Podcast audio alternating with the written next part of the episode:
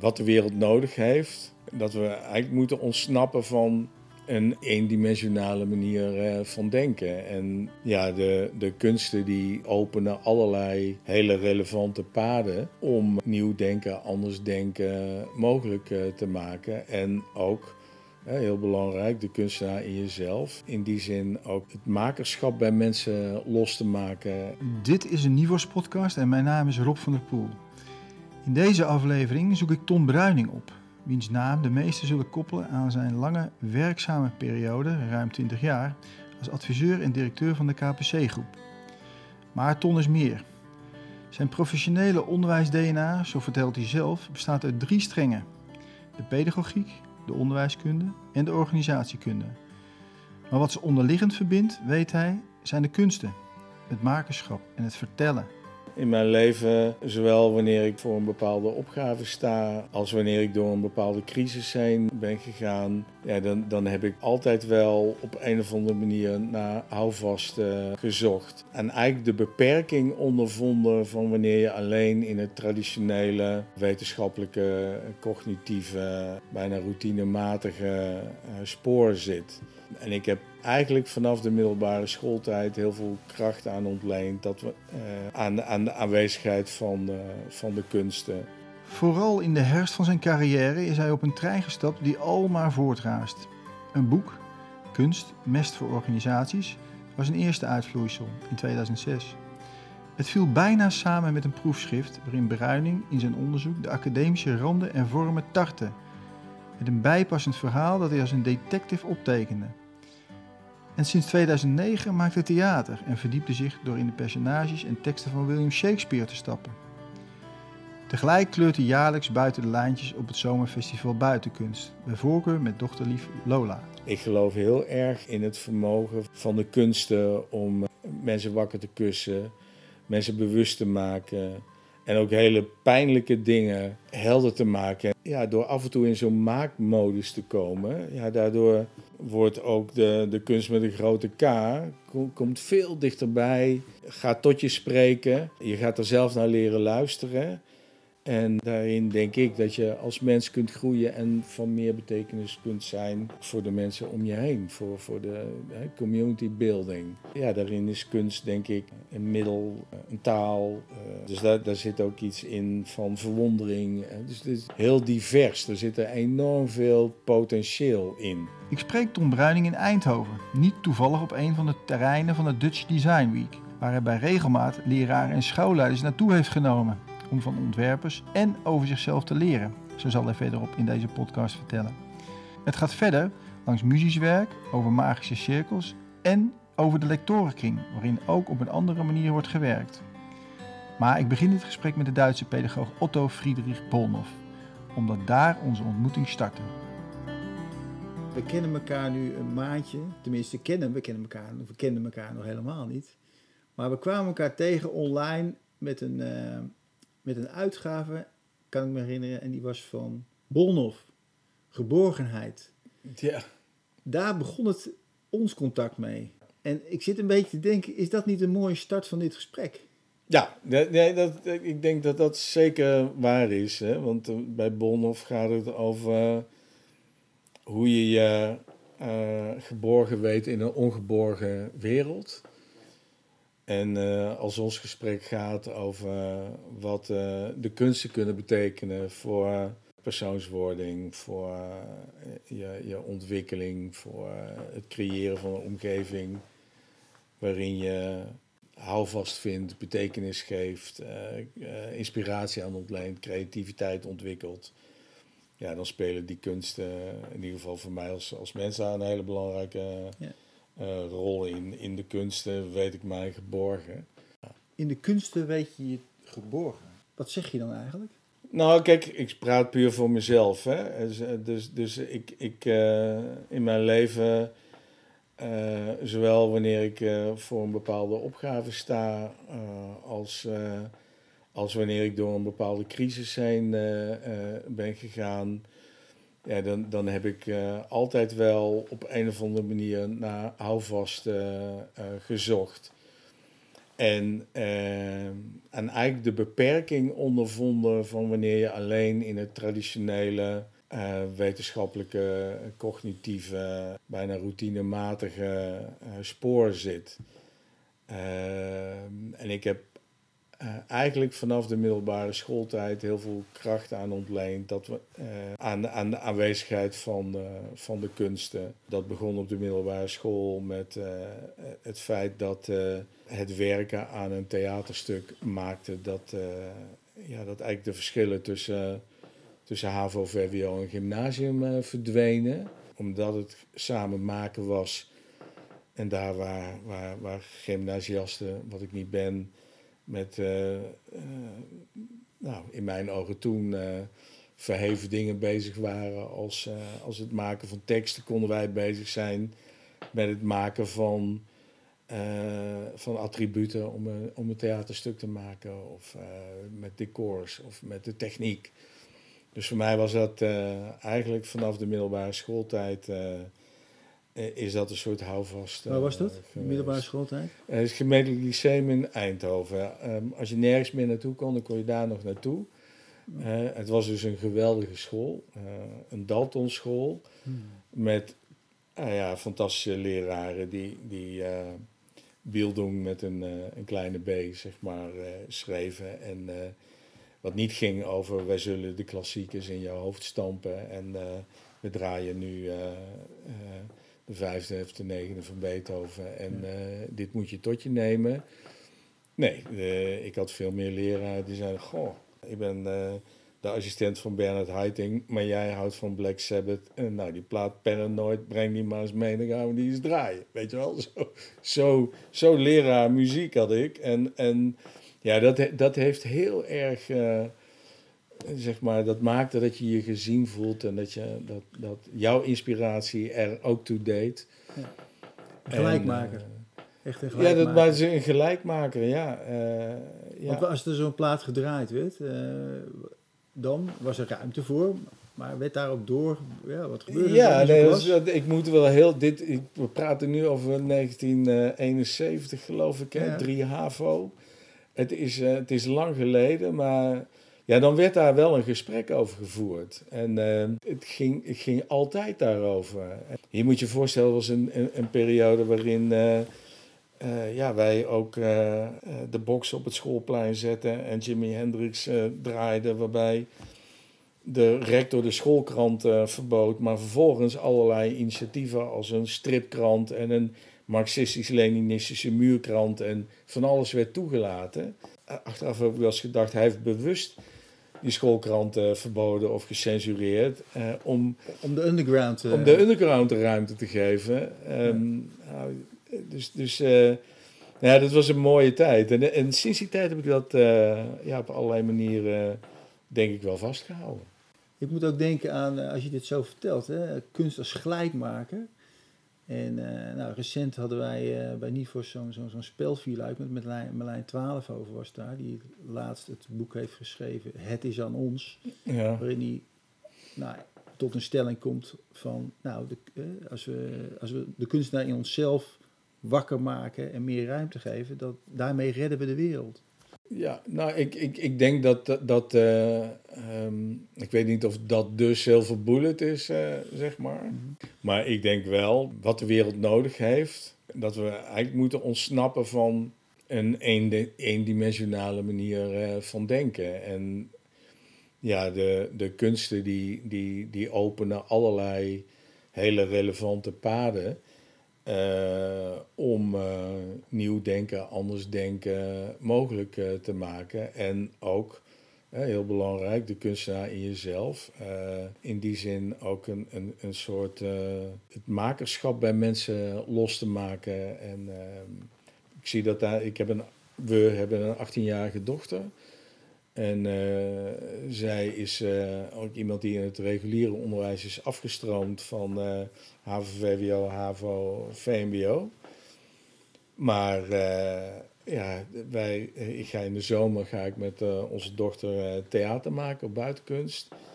En ja, dan, dan zie ik dat wat op de middelbare school een VMBO-meisje heette, want ze zit nu in het MBO Ja, dat, dat is ook iemand die gewoon samen met, uh, met de jongeren een stuk maakt van Brecht en op de planken brengt en anseneert, eigen teksten inkort en, en, en laat zien aan het publiek wat haar beweegt en, en wat haar zorgen baart.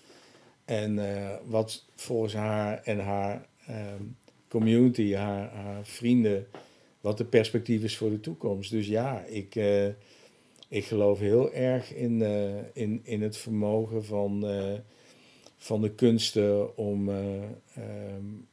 mensen wakker te kussen, mensen bewust te maken en ook hele pijnlijke dingen helder te maken en ook te laten zien uh, heel gemakkelijk, hoe, hoe gemakkelijk op een verkeerd spoor komen, bijvoorbeeld. Het is uh, een, een, kunstwerk dat mij altijd heel erg heeft uh, geraakt. dat is de Poolse kunstenaar um, Libera heeft een, ik weet niet of je het kent, heeft een, een, een werk gemaakt dat heet Concentratiekamp. en wat hij heeft gedaan, ze heeft de firma Lego opgebeld en heeft gezegd, joh, ik, uh, ik ben een kunstenaar en ik uh, werk met Lego en ik heb zoveel grijze steentjes, zoveel uh, zwarte steentjes en zoveel rode steentjes nodig. Kunnen jullie mij een paar dozen sturen? En willen jullie het dan sponsoren? Nou ja, ze Leo, hartstikke leuk, dat gaan we doen. Nou, vervolgens heeft hij dozen gemaakt met daghou op de voorkant. En heeft hij allemaal van die barakken gemaakt, zeg maar. Om te laten zien hoe gemakkelijk je in een fout systeem terechtkomt. Nou, dat vind ik heel raken en, en mhm. betekenisvolle kunst. Die, uh, Dat zet me enorm, uh, enorm aan het denken. En nou, dit is heel, een voorbeeld van, van ja, confronterend. Hè? Zoals Bertolt Brecht ook zei, van, nou, we hebben niks aan, dat, aan dat. En, want daar sussen mensen alleen maar van in slapen. Wat we, wat we moeten doen is dat we mensen wakker moeten maken, oproepen tot actie door de vierde wand. Uh, we gaan te strijden. dat is een functie. Uh, maar kunst heeft ook allerlei andere uh, functies. Hè? Dus die gaan wel meer over het, over het welbevinden. Dus de architectuur heeft daar een, een belangrijke. Lukt niet altijd. we zitten hier op een steenworp afstand van het Karregat. Hersberger heeft dat gemaakt, de architect. En het idee was: we maken een open school naar buiten toe. Nou ja, het was in de jaren zeventig en het ging nog niet open of de leraren waren met kratten bier aan het sjouwen om muren te bouwen, zeg maar. Dus het lukt niet altijd, maar uh, uh, nou ja, uh, van zulke fouten kunnen we leren, zullen we zeggen. Ja.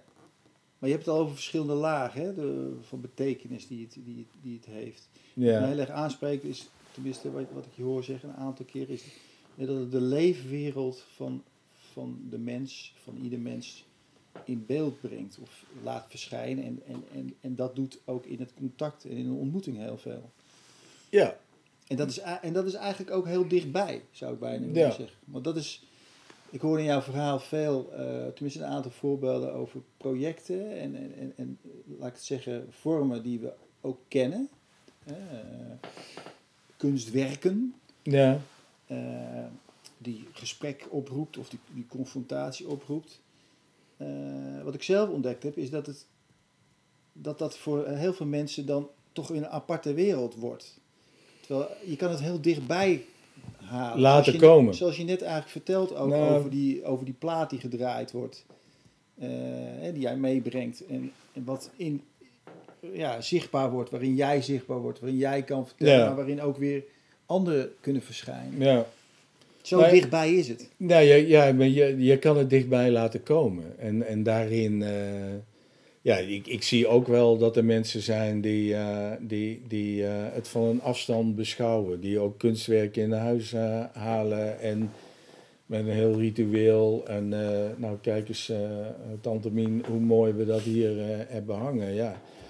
Maar je kan, ja, ja, je, kan, je kan het ook dichterbij laten komen. Ik denk dat je kinderen uh, en jongeren daarin moet opvoeden. En ik, ik prijs mezelf gelukkig dat ik die opvoeding heb gehad. Ook al ben ik zelf ja, een onbeholpen maker, zeg maar. Dus ik probeer wel eens wat. Uh, ik schrijf wel eens wat en ik heb ook wel eens iets op de saxofoon geprobeerd. En in de zomer ga ik dan theater maken. Doe ik ook mijn stukjes Shakespeare en Brecht.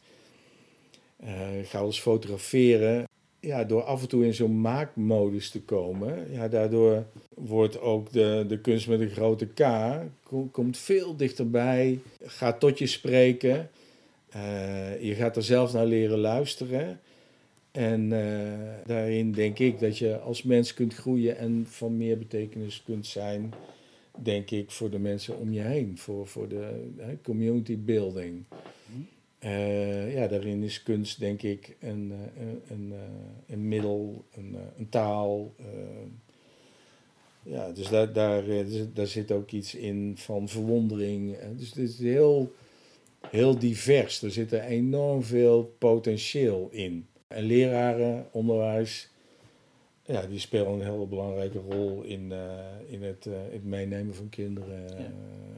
op jonge leeftijd. Ja maar je hebt dus die, je hebt dus die podiumkunst, die kunsten hè, die, die, die, die, je ophangt of die op een podium gezet worden. Ja. Er is ook zo'n beweging die zegt, ja, leuk en aardig, maar het belangrijkste is eigenlijk, haal die, haal die kunsten van het podium af.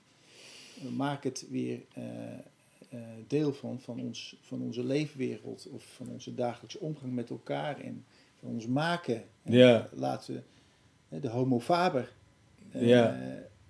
Ja. Het, het vakmanschap, ja. wat, wat ook weer die kant op kan gaan. Ja. Maar we zijn ook allemaal mensen met handen.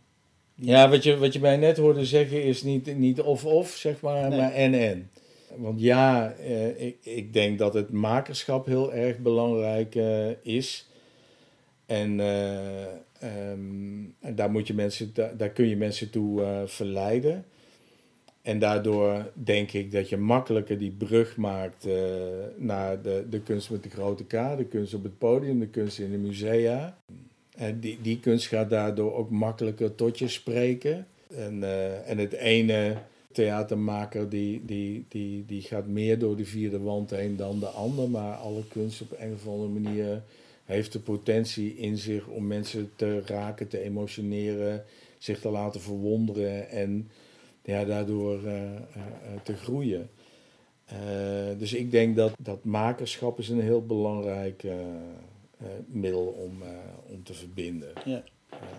Nou, nou, sprak ik jou even kort per telefoon en toen wees je me op een aantal dingen die je, die je gedaan hebt. En twee, twee zaken sprongen er voor mij uit. Je hebt, je hebt een boek geschreven in, in 2008, volgens mij kwam het uit kunst, mest voor organisaties. Ja, zal ik het even pakken? Pak het maar eens, ja. Want dat heb ik, ik inderdaad nog niet gezien. Ja. Maar dat was ook weer een uitvloeisel van het proefschrift wat je, wat je in 2006 volgens mij... Uh... Nee, dit, dit, project begint eerder. Ja? Dit project, toen werkte ik nog aan mijn uh, promotieonderzoek.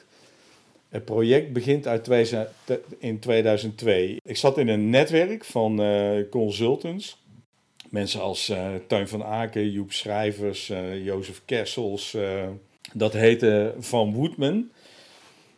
sinds midden jaren negentig. Um, toen ging het over kennisproductiviteit. En, en in dat netwerk ja, was iedereen zo met... met de een was bezig met, met meer de filosofische kant van de zaak. En de, en, en de organisatie als intensieve menshouderij en dat soort dingen. Uh, ja, Peters was daar heel erg mee bezig. En, uh, en uh, ik was erg bezig met de, de vraag van... Goh, wat zouden de kunsten nou kunnen betekenen voor het werken en leren organisaties? En toen hebben we afgesproken dat ik een aantal keren een, een dag zou organiseren... waarin we een, een aansprekende denker zouden uitnodigen... en, en waarin ik met de mensen aan het, aan het werk zou gaan... Nou, dat hebben we vijf keer uh, gedaan. Dat heette Kennis en Kunst. En uh, uiteindelijk is daar uh, dit boek uitgekomen. De, de vijf mensen die een bijdrage hebben geleverd tijdens die dagen, die hebben een essay in, dat, in dit boek gemaakt. Joep Schrijvers over kwaadaardigheid. En Koen Tachelet, de dramateur van Johan Simons, over vergankelijkheid. René ten Bos over transparantie. Uh, en de zin en onzin van dat begrip. Rob Vergerwe over ja, meer de provocatieve kunst. Nou, en dat hebben we samengebracht in die bundel. En er zijn nog wat mensen bij aangesloten Mhm. die ook een verhaal hebben gemaakt. En dat heb ik bij elkaar gebracht in dat, eh, in dat boekje Kunstmest voor organisaties. En eh, om ook te laten zien waar het eigenlijk om gaat, is het aan, aanzetten tot denken en ook eh, je te laten nadenken over nou, wat, is, eh, wat kan wel, wat kan niet. Heb ik gekozen voor een beeld van Marco Everisti voor de voorkant. En dat, eh, Een blinde. eh, ja, dat, dat werk heet Goldfish in a Blender. En zeg maar, Moulinex blender gevuld met water. Ja. En er ligt een, eh, ligt een, eh, een slof, eh, zo'n eh, contactdozen slof, die ligt op tafel met de stekker erin, zeg maar. Ja, het idee is dan dat eh, ja, er is niks aan de hand, zeg maar, hier. Totdat iemand de stekker in de stopcontact steekt en op de on-button drukt. Ja. Dus ik vind dat een heel intrigerend eh, werk. Ja. Ik vind hem, ja, Marco Everisti, eh ja, net als die Damien Hirst, zeg maar. Ja. Maar ik, ik, ja, ik- deze man die gaat nog veel meer onder mijn huid eh, eh, Ja. zitten. Maar dit boek is, is, is gekomen, die essays zijn geschreven. Wat is er vervolgens mee gedaan? Je zou kunnen zeggen, het is de, het is de uitkristallisatie van een persoonlijk leerproces. Ja. Eh, en in die zin is het een bijna is maar een reliquie van mijn leerproces. Eh, hè, dus ik koester dat ook. Ja. We hebben het verspreid. Hè, dus er zijn eh, 750 boekjes eh, gemaakt in de eerste druk en nog eh, 500 en later nog 250. De, en ik geloof dat op boekwinkeltjes.nl was er nog maar één te vinden, zeg Ja. maar. Dus dat eh, valt best eh, mee, zeg maar. Het staat nog bij mensen thuis. Ik hoop dat ze het gebruiken. Eh, ik heb het zelf veel verdeeld onder deelnemers in dat netwerk en over eh, docenten beeldende kunst die mij opbelden en zeggen: Goh, heb je er nog één? En, eh, ja, en, en, en er- zitten een aantal stukken in die, ik- die ik. ehm, nou, ik, wil niet zeggen dat ik ze jaarlijks herlees, maar waar ik met ontzettend veel genoegen aan, eh, aan terugdenk. en, en die nog steeds ja, bijzonder voor me zijn. Hè? Je, de- Ja. Ik vertelde je net dat, dat, over dat werk van Libera. Dat, dat was ook een werk wat Joep Schrijvers in zijn lezing over kwaadaardigheid eh, liet zien. Nou, dat, dat heeft me dus niet meer losgelaten. En in die zin eh, ja, vond ik het eh, ontzettend fijn om, om hiermee aan de slag te gaan. En uiteindelijk heeft dat leerproces, wat in 2002 begon en wat in 2008 werd afgerond, ook wel geleid tot, tot ideeën over hoe ik mijn, mijn promotieonderzoek naar leer op de werkplek op een of andere manier kon eh framen. Eh, dus ik heb me uiteindelijk meer door de beeldende kunst of de, de literatuur laten leiden eh, om, om mijn proefschrift te maken. Mhm. Omdat ik ja, toch wat teleurgesteld raakte in de reguliere onderwijskundige wetenschappen met haar eh, mooie, eh, bedwelmende concepten. En ik rondliep met het idee van ja, maar de, de wereld in de organisatie zit toch veel rafeliger in elkaar. Mhm. eh, ranzig misschien zelfs. Mensen zijn aan de andere kant ook niet alleen fout, maar hebben ook een goud hartje. En ik vond in de wetenschap niet direct een manier om dat op een of andere manier te verwoorden, maar wel in bijvoorbeeld eh, de literatuur, in, eh, in de filmkunsten laat ook zien eh, hoe je op een indringende manier mensen aan het denken kunt laten zetten over een onderwerp. David Lynch vind ik daar een voorbeeld Ja. van. Tarantino vind ik daar een onderdeel van, een voorbeeld van. De Coen Brothers met de Big Lebowski vind ik daar een voorbeeld van. Dus die, die, dat zijn, zijn, zijn makers die je, die je helpen om eh, ja, te ontsnappen aan, eh, aan het clichématige en, eh, en, en, en, en, en, en, en je wakker kunnen kussen als, als maker. En, en dat mis ik nog wel eens in het onderwijs als ik kijk naar... als, als docent in een, in een master leren innoveren of in een master leiderschap in onderwijs, lees ik al die stukken die eh, mensen maken. Nou, Rob, ze zijn allemaal hetzelfde. Eigenlijk maar. hetzelfde. dezelfde manier opgebouwd. Nou, er zijn mooie uitzonderingen. En dus ik doe studenten tekort. Uh, maar er is heel veel, en daar kunnen die studenten niks aan doen. Er is heel veel wordt meegegaan in een bepaald uh, stramien, uh, waardoor de originaliteit ver te zoeken is. En ik denk dat onze kinderen meer verdienen. Ehm, maar als je in veel van die nou, schoolplannen OBS de Hasselbraam vervangt door OBS de Verrekijker, ja, dan, dan gaat het niemand opvallen. Nee. Maar wat gebeurt er nou als je dus, zoals jij eigenlijk ook in dat proefschrift gedaan hebt, als je buiten die lijntjes kleurt? Wat gebeurt er met een mens? Ja, een mooie vraag. Uh, Want dat, dat is volgens mij een interessante laag. Nou ja, kijk, uh, um, wat, wat, wat er op gang komt is een enorme scheppingsdrang. Hè, dus uh, in de tijd dat ik aan, mijn, nou, dat ik aan dit boekje werkte. Hè, dus de, de, het feit dat er na vijf mooie studiedagen een boekje ligt, heeft ook te maken met het feit dat ik niet alleen op een speelse manier met de uh, honderd uh, collega's een leuke middag in Zonnestraal, waar we hebben gezeten, of in het Stedelijk Museum met honderd man, of uh, in drie busjes naar Insel Hombroich zijn gereden. Maar maar er is ook een soort makerschap aangezet. Aangezet. En ja, dat, dat vind ik het mooie. Hè. Bij dus, jezelf, bij... Ja, bij, bij, bij, bij, in, in, ieder geval bij mezelf, maar ook bij de mensen die er aan bijgedragen hebben. Ja. Aan die, want ik, ja, het boekje is door mij bezorgd, maar je kan eigenlijk zeggen dat het het resultaat is van dat, dat Van Woodman-netwerk. Ja. wat midden jaren negentig uh, ontstond. En uh, ja. ja, wat, wat eigenlijk uh, tien jaar later ja, dit boekje toch het daglicht liet, liet zien. Ja. En die kracht die zit nog steeds in dat netwerk. En, het, en diezelfde opwinding zou je kunnen zeggen, hè, scheppingsdrang. Opwinding van het makerschap heb ik ook gevoeld toen ik had besloten om uh, te, de switch te maken van de reguliere onderwijskunde naar de Universiteit voor Humanistiek. En ik had bedacht dat ik veel meer kritisch filosofisch en narratief iets zou willen schrijven over leren op de werkplek. En dat maakte een enorme opnieuw scheppingsdrang van mijn meester om uh, ja. na te gaan denken van nou, hoe kun je nou dat wat er op het werk gebeurt op een bijzondere manier voelbaar te maken. Ja. Hoe, kun je dat, hoe, kun je dat verbeelden, verwoorden, ja. framen, vormgeven?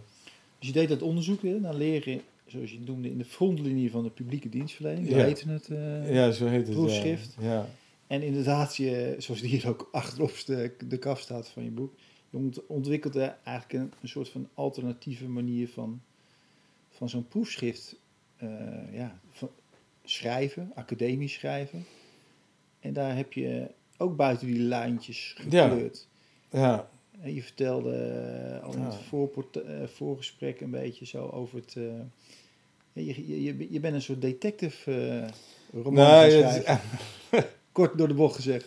Nou ja, dat, dat, dat is wat, ehm, wat er ontstond. Het gaat over leren op de werkplek en dat heeft niet alleen een, een onderwijskundige component, maar ook een organisatiekundige component. -hmm in dat, in dat, uh, dat organisatiekundige kijken daar, uh, en, en het organisatiekundig onderzoek sprak mij het iteratieve zoeken heel erg uh, aan. Maar dat kwam ik ook tegen in detective romans. Dus, um, Iteratief?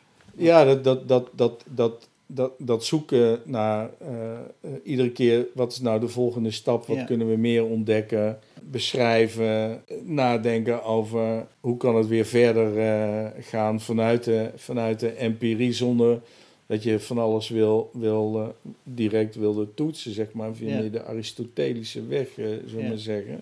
Dus is proberen. Ja, en, en dat, dat vond ik heel erg in de, in de, in de detective eh, literatuur.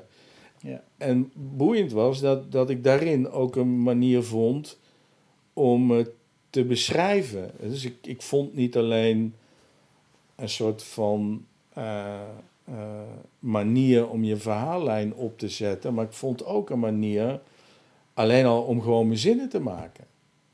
Korte zinnen. Mhm. Hè? Ze stond op hoge hakken en ze liep de trap op. En dus het, vond, het, het, het gaf mij een instrumentarium om ehm, de werkelijkheid zoals ik die had ervaren eh, te representeren, te Ja. beschrijven. Ja.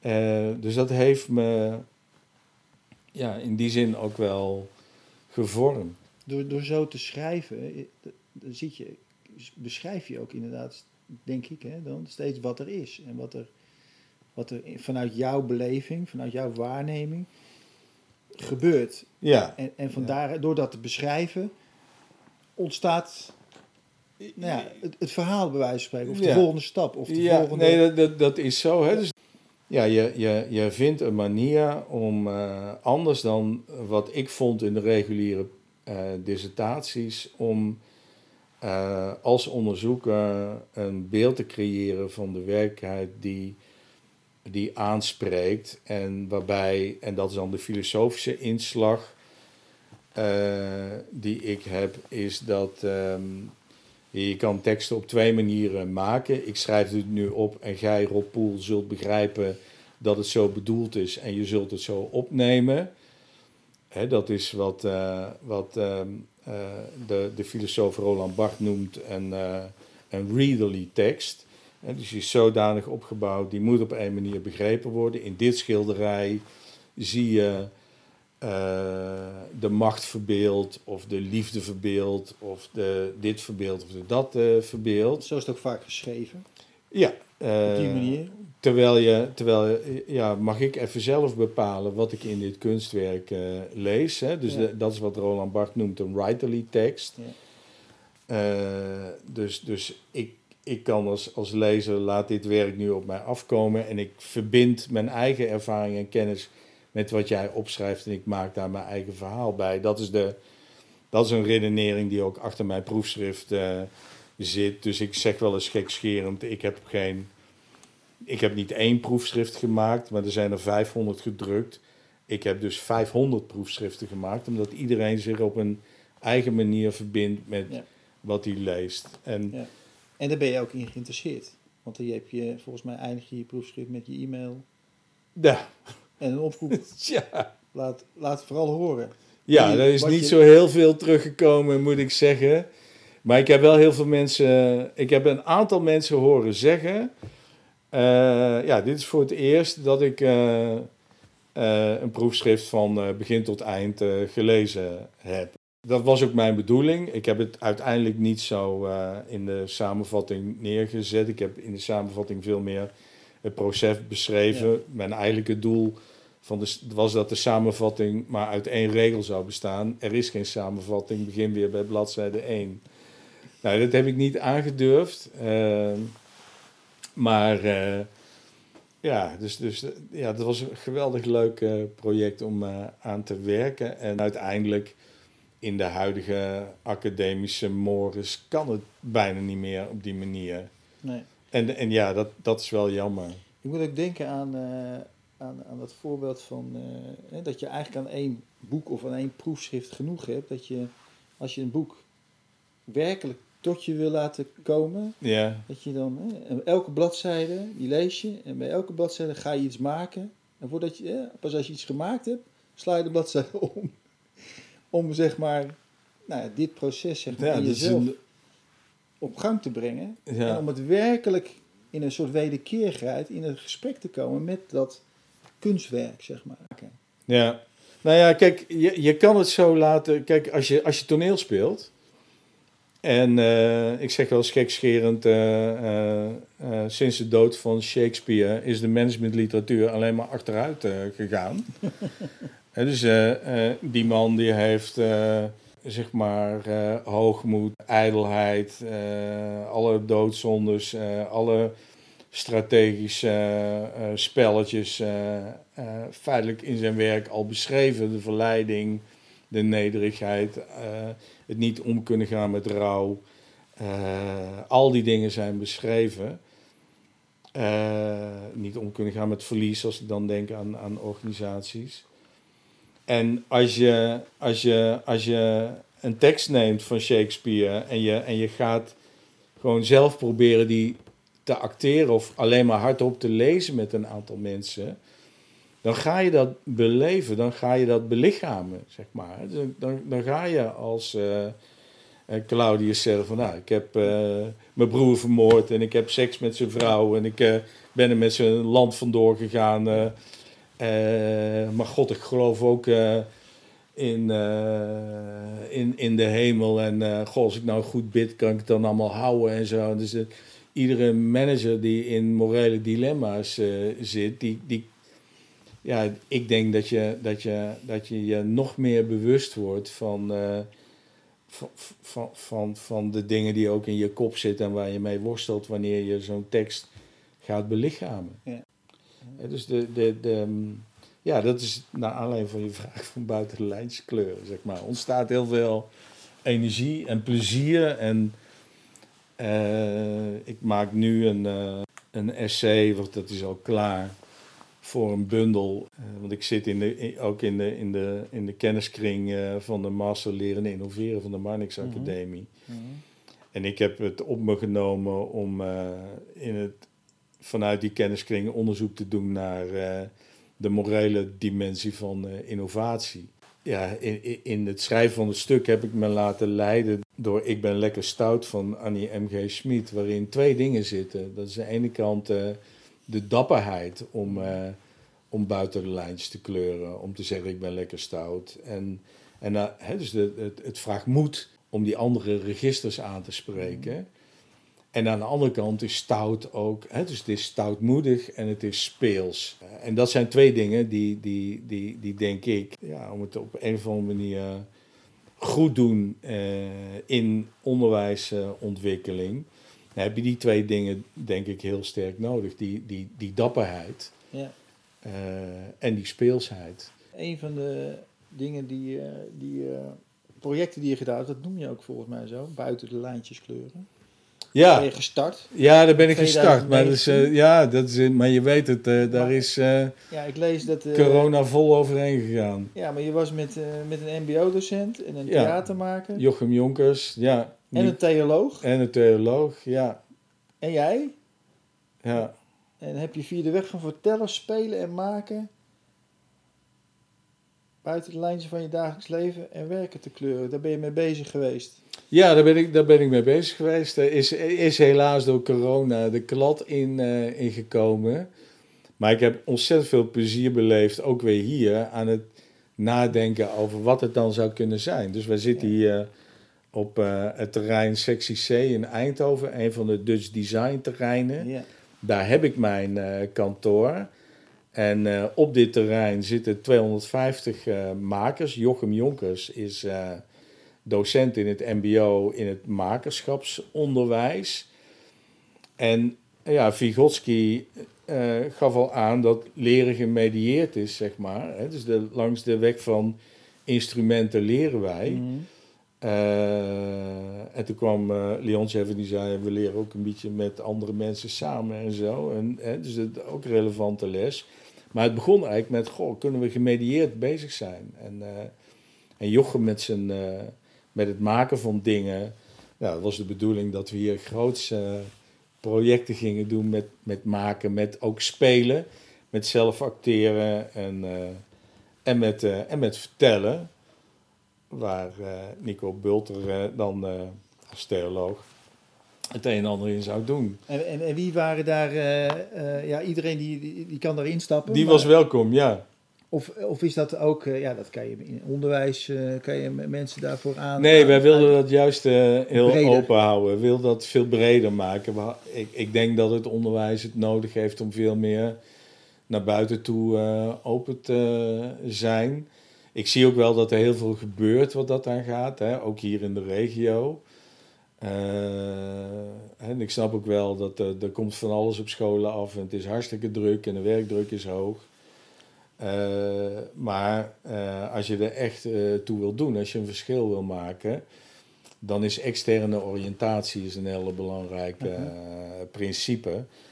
Want eh, het onderwijs is dan misschien niet perfect, maar er is wel verbinding met de buitenwereld en met de maatschappij. Mhm.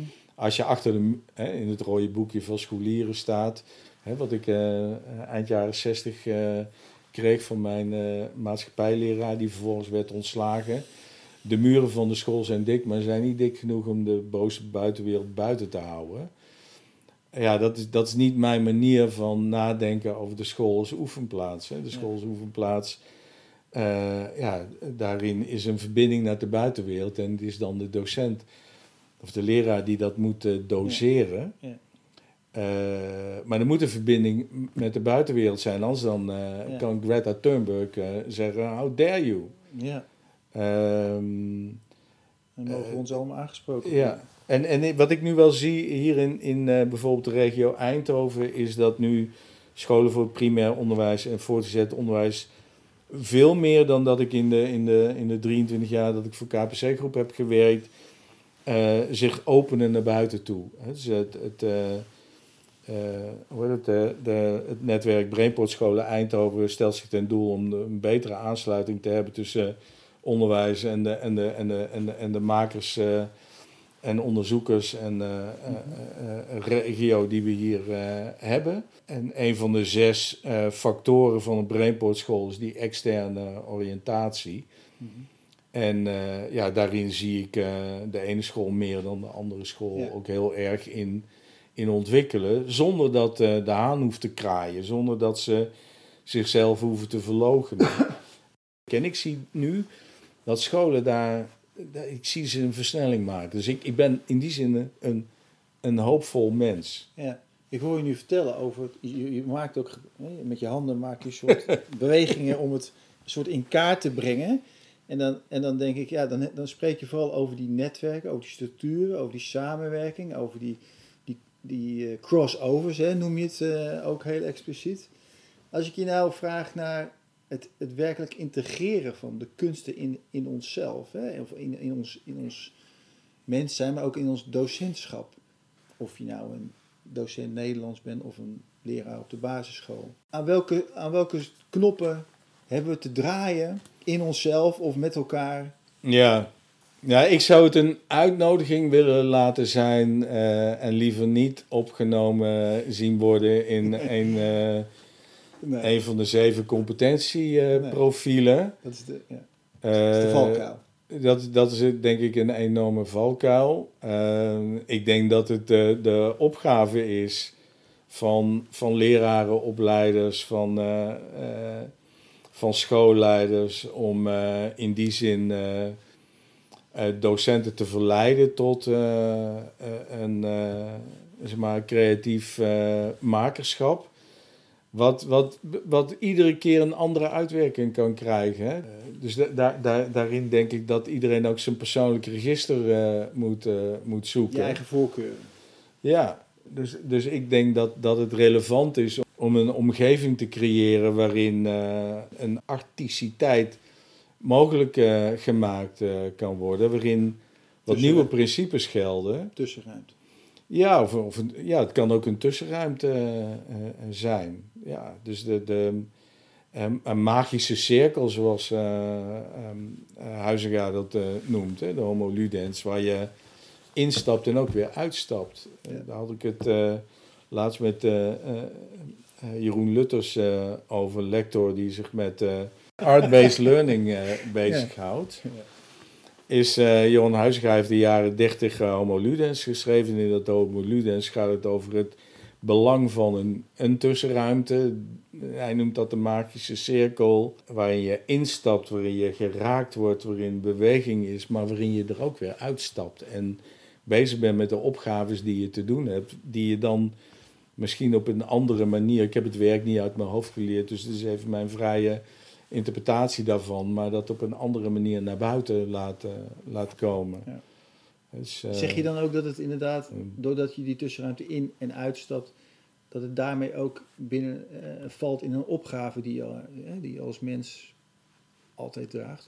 Je zou het een opdracht kunnen noemen, je zou het ook een uitnodiging eh, kunnen noemen. Eh, Ja. want ik vind als het gaat om leren en ontwikkelen, je kan niet zeggen, Jozef Kessel zegt dat altijd, je kan niet zeggen Jozef leer. Hè? Dus je moet iemand verleiden tot uh, kennisproductiviteit of tot makerschap. ja, en, dat, en dat is bij volwassenen al een stuk moeilijker dan bij kinderen. Ik heb ooit eens een, in een project gezien, daar gingen kinderen gingen een dapperaat bouwen. Een dapperaat? Een dapperaat, ja. En dus daar ging je dan als kleuter in en je kwam als dappere kleuter naar buiten, zeg maar. Ja, kleuters stappen daar makkelijker in dan volwassenen, zou je kunnen zeggen. Ja. En ik denk dat, dat, dat het erom gaat, uh, is dat, dat we mensen, hè, waarom zouden we alleen over leraar praten, om, om uh, uit te nodigen om in zo'n magische cirkel te komen. En ja, ik denk dat, dat we daar met elkaar rijker, mooier, duurzamer van worden. Is het in deze tijd makkelijker geworden? Ja, dus, dat, dat is, ik, ik ervaar dat heel dubbel. Ik zie aan de ene kant, zie ik, neem bijvoorbeeld scholen, de kramp van wat er allemaal moet. Ja. En zie ik dat die speelruimte er niet is. Ik zie aan de andere kant dat er steeds meer mogelijkheden zijn om in een andere wereld te stappen en je te verwonderen. Ja. We zijn hier op een van de Dutch Design terreinen. We hadden het daar straks over de Dutch Design Week in Eindhoven. Dat is zo'n event waar, waar van alles gebeurt, waarin uh, je kunt verwonderen. Ik ben ook wel eens met groepen leraren naar de Dutch Design Week geweest leraren die de uitnodiging hadden gekregen om zonder productiedwang zich als makers te ontplooien. En die ja, aanvankelijk zoiets hadden van, nou Bruining, wat moeten wij op de Dutch Design Week? Maar die, die na een dag uh, um, zich uh, ja, verstaan te hebben met, uh, met, met de ontwerpers, met, met ook studenten van de masteropleiding van de, Dutch, van de Design Academy ja, op een of andere manier ook teruggeworpen werden op, op de vraag bij zichzelf. Met de vraag wie ben ik nou als maker, ontwerper. Door dat soort mogelijkheden is er, is er meer mogelijk, ja. laat ik zeggen. Ja. Je zit ook uh, volgens mij in een, in een lectorenkring bij de HKU. Tenminste, dat is het. Nee, bij de UVH. Nou, dit is tegenwoordig buiten, ja, buiten, dus, buiten, buiten, buiten institutioneel. Ja, normatieve professionalisering. parlementaire actie, normatieve professionalisering. Met, uh, ja. met Harry uh, Kunneman onder andere en Bart ja. van Rosmalen. En ik begreep dat jullie ook uh, binnen zo'n lectorenkring, nou ja, ook aan het verkennen zijn in de manier van werken. en daar ook nieuwe ervaringen aan het opdoen zijn. Ja, nou ja, dus dat, dat, dat, dat klopt. Uh, wat, er, wat er in het netwerk gebeurt, is dat we aan de ene kant worden uitgedaagd. Da daarom zitten er hoogleraren en lectoren en uh, professionals in, in dat netwerk om, om studieus bezig te zijn, om te verhalen over de eigen onderzoeksprojecten. Maar ja, de muzische bijdrage die Bart van Rosmalen, lector bij de HKU, levert is dat we uh, ja, worden uitgedaagd om, uh, om niet alleen studieus bezig te zijn, maar ja, te vertellen, spelen, maken. Met behulp van uh, de muzen. En ja, die muzen zijn ja, heel bijzonder. Hè? We hebben het altijd over de reflective practitioner. Maar die, die muzen komen eigenlijk ja, in die Griekse mythologie ook voort uit van, goh, kijk nou eens wat, wat de frontline-werkers, in dit geval dan de halfgoden, uh, allemaal meemaken. Die halfgoden voelden zichzelf niet gezien, zeg maar. Dus die, die, die moesten alleen maar keihard bezig zijn, maar ja, die werden onvoldoende geprezen. En wat uh, Zeus toen gedaan heeft, dat was de beroerdste niet. Die verwekte eerst één en, en, en toen nog eens uh, acht, als ik het goed heb muzen. En, en hè, die waren allemaal anders van aard. De een was lyrisch en de ander was meer stemmig. De derde was meer dansend. De vierde die was uh, meer van de wetenschap. En, uh, en de vijfde was meer van de esthetiek. Nou, en, die, en, en, die, uh, en die muzen hebben allemaal zo hun eigen kwaliteit. En nou, Bart van Rosma, die lector, die daagt ons uit om over ons werk aan de hand van een van die muzen na te denken over waar we mee bezig zijn. En vervolgens ook te maken. dus dat heeft er mij toe verleid om, uh, bijvoorbeeld de muze van de tragedie te kiezen. En, en, een, en een stuk van Shakespeare, waar we het net ook al over hadden, te nemen. En, en dat wat ik beleefd had in een theaterstuk te verwoorden. Dat heeft enorm veel gedaan in het vinden van een taal om ook.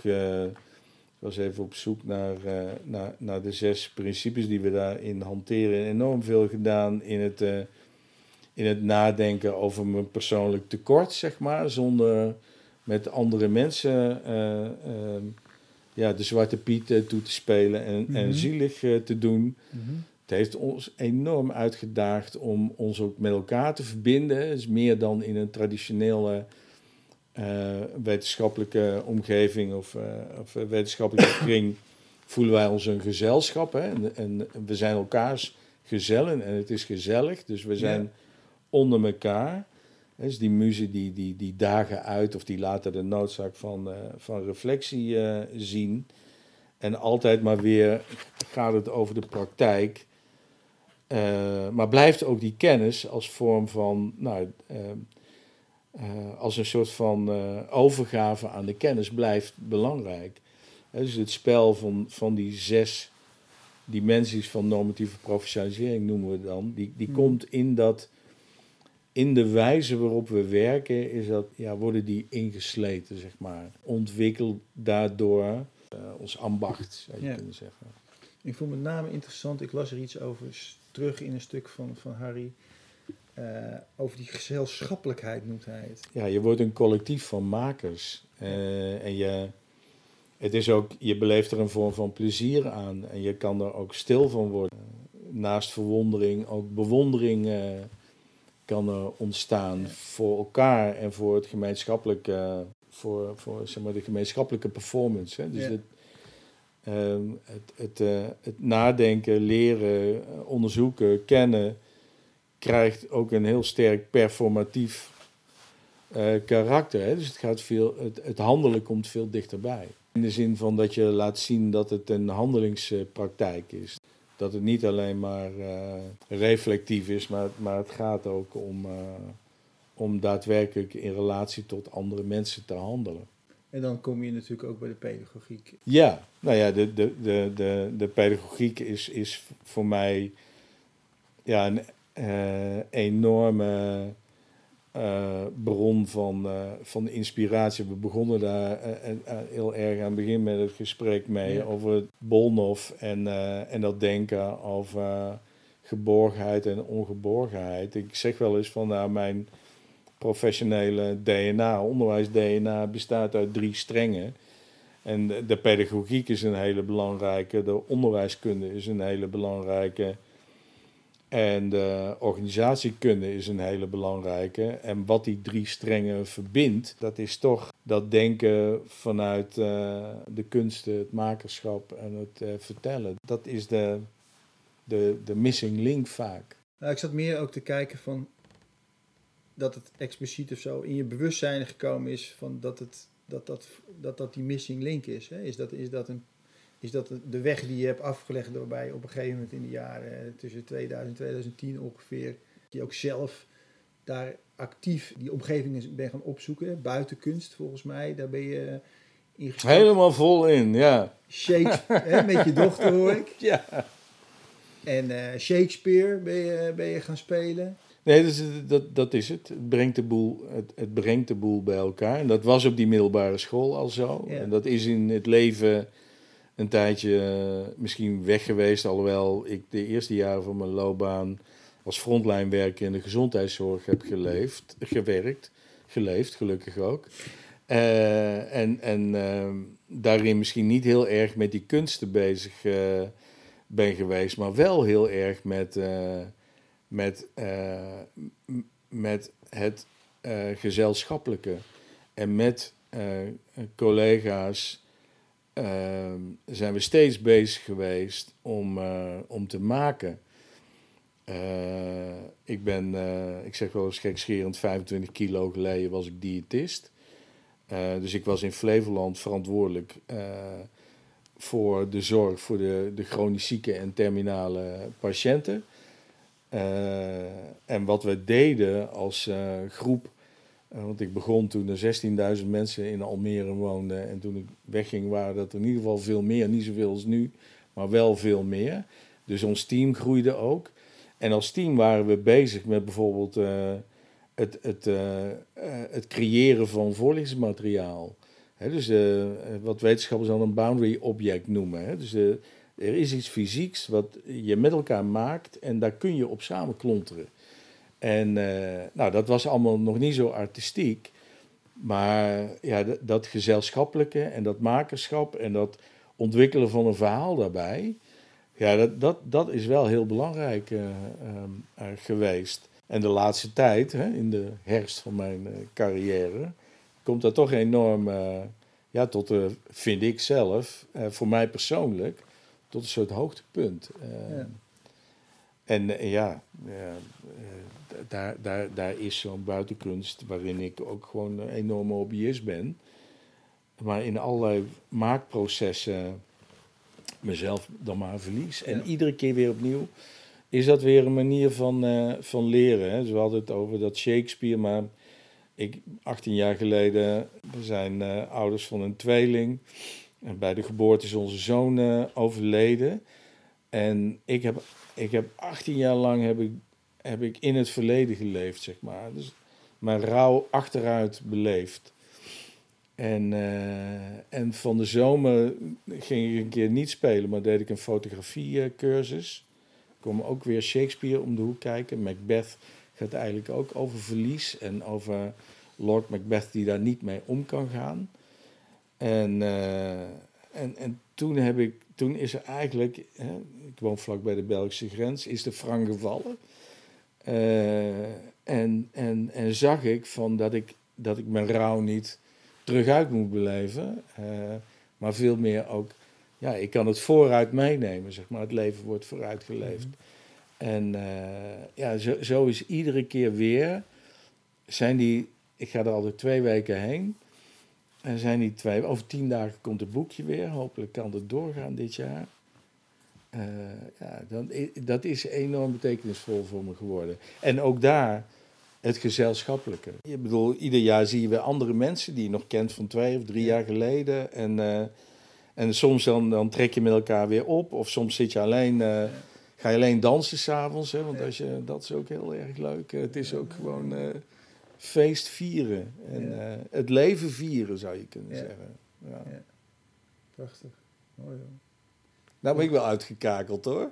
ik, heb nog één, ik, heb nog, ik heb nog één ding, Tom. Want we zitten hier... Ik vind het toch wel een ja, bijzondere ruimte. Want je, je hebt hier ja, kantoor. Ja, je kan het een kantoor noemen, maar dat is het niet. Er staat een lekkere bank en er staan wat schilderijen zo tegen de, tegen de wand aan. Ja, die moeten er nog opgehangen, ja. En, en, uh, en ik begon eigenlijk toen ik hier binnenkwam bij die platencollectie. Ja. Dus ik zeg, nou, nou moet, precies, trek er eens eentje uit. en tot slot. Wat hebben we hier? Vertel, vertel je me wat je eruit getrokken hebt. Blind. Pakken we Tutu. Miles Davis, ja.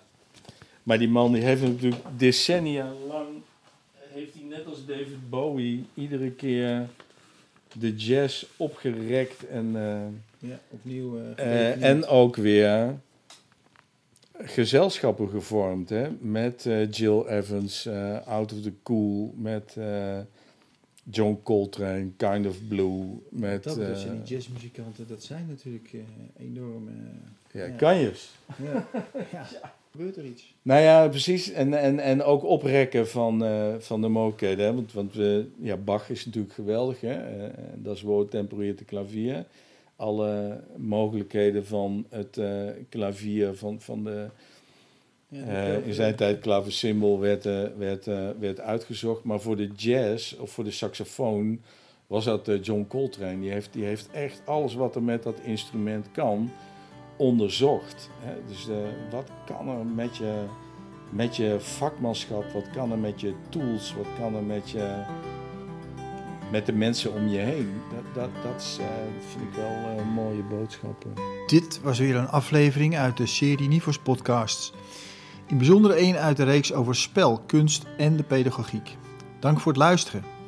Je kunt alle afleveringen vinden op onze eigen website, maar ook op Spotify of Apple Podcast.